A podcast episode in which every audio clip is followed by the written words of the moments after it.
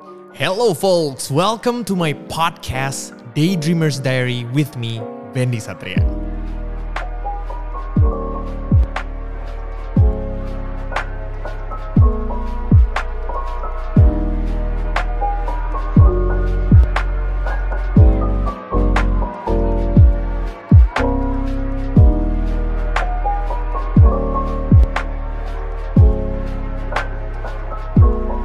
Yeah. Guys for dropping in here. Kenapa sih namanya daydreamer? Kayaknya konotasinya negatif bener. Uh, jadi ceritanya dari dulu, dari gue kecil, gue tuh suka banget ngelamun entah kenapa. Sampai orang-orang di keluarga gue dan orang-orang terdekat gue itu worry banget. Nilai gue juga memprihatinkan. Cuman seiring jalannya waktu, uh, gue merasa gue tetap daydreamer tapi sekarang day and night dreamer. Jadi artinya gue juga dreamer cuman gue dream big gitu. Bukan ngelamun gitu kan. Jadi sebetulnya podcast ini eh, itu tentang cerita cuplikan-cuplikan di dalam hidup gue Eh, bisa dibilang buat pengingat untuk gue bahwa gue pernah berproses dan cerita-cerita ini yang akan gue bawakan eh, sampai gue di titik gue sekarang dan harapannya juga buat semua bisa belajar dari proses gue Eh, ya bisa membawakan sesuatu pencerahan lah gitu. So sit back relax and enjoy part of my life stories. So episode 1 ini cerita di waktu gue di kampus. Gue akan cerita tentang bagian dari kampus eh, tentang gua punya dosen namanya Chris Lee. Ini Chris Lee itu salah satu dosen yang gua sangat dambakan ya karena Chris Lee ini dosen walaupun cuman satu tahun mengajar tapi gua ngerasa eh, salah satu kampus eh salah satu dosen yang terbaik. Dia ini punya studio ilustrasi ngerjain eh, international clients kayak Marvel, G.I. Joe, Transformer, dan lain-lain. Dan waktu dulu juga gue punya mimpi mau jadi kayak dia gitu, punya studio ilustrasi. Dan gue bener-bener uh, memang uh, suka banget sama ilustrasi dan gue memang suka ilustrasi. Jadi uh, ini cerita di mana waktu gue uh, di salah satu kelasnya yaitu drawing 2 di semester 2 waktu itu pas gue kampus eh, ada salah satu tes di mana kita harus ngumpulin tugas ilustrasi berhubungan dengan perspektif dan lain-lain. Kita bisa bawa pulang ilustrasinya dan nanti akan ngumpulin di eh, deadline-nya gitu. Ya singkat cerita, gue udah ilustrasi dan eh, semuanya juga udah ilustrasi. Kita kumpulin gambarnya semua ke dosen gue ini. Dan akhirnya setelah sudah selesai semua, ilustrasinya dikembalikan lagi dengan nilai.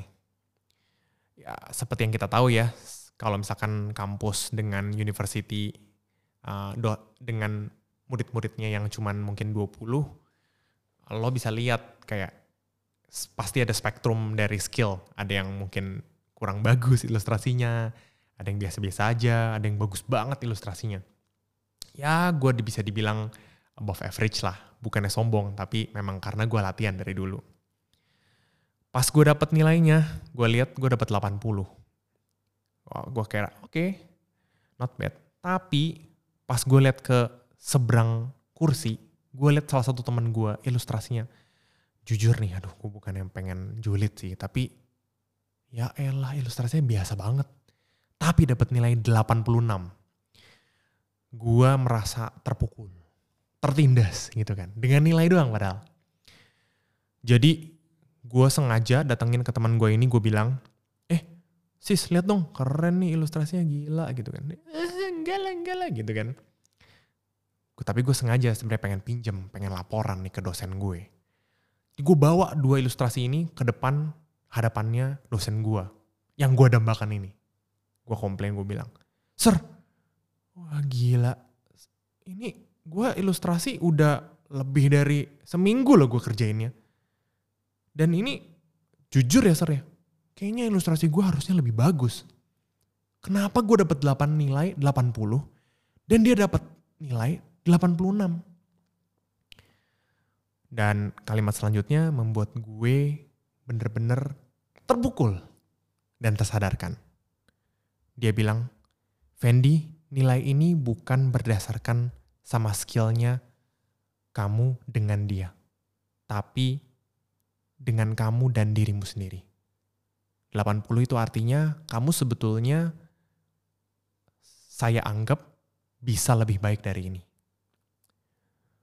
Sejak itu, gue merasakan tersadarkan bahwa sebetulnya selama ini tadinya awalnya dinilai 80, gue ngerasa biasa aja sih.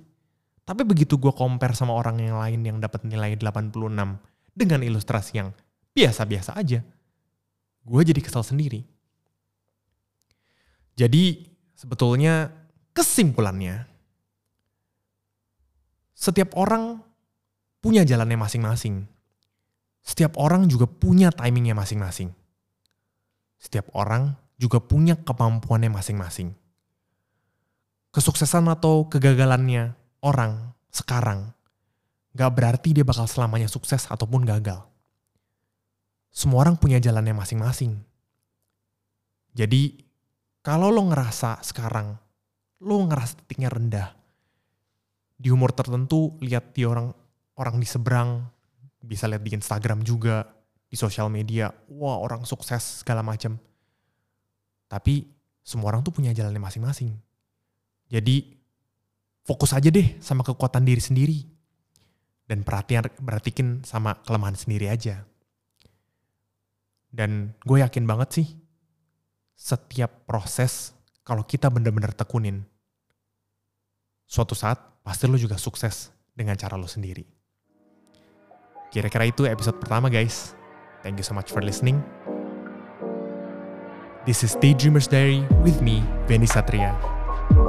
Thank you guys.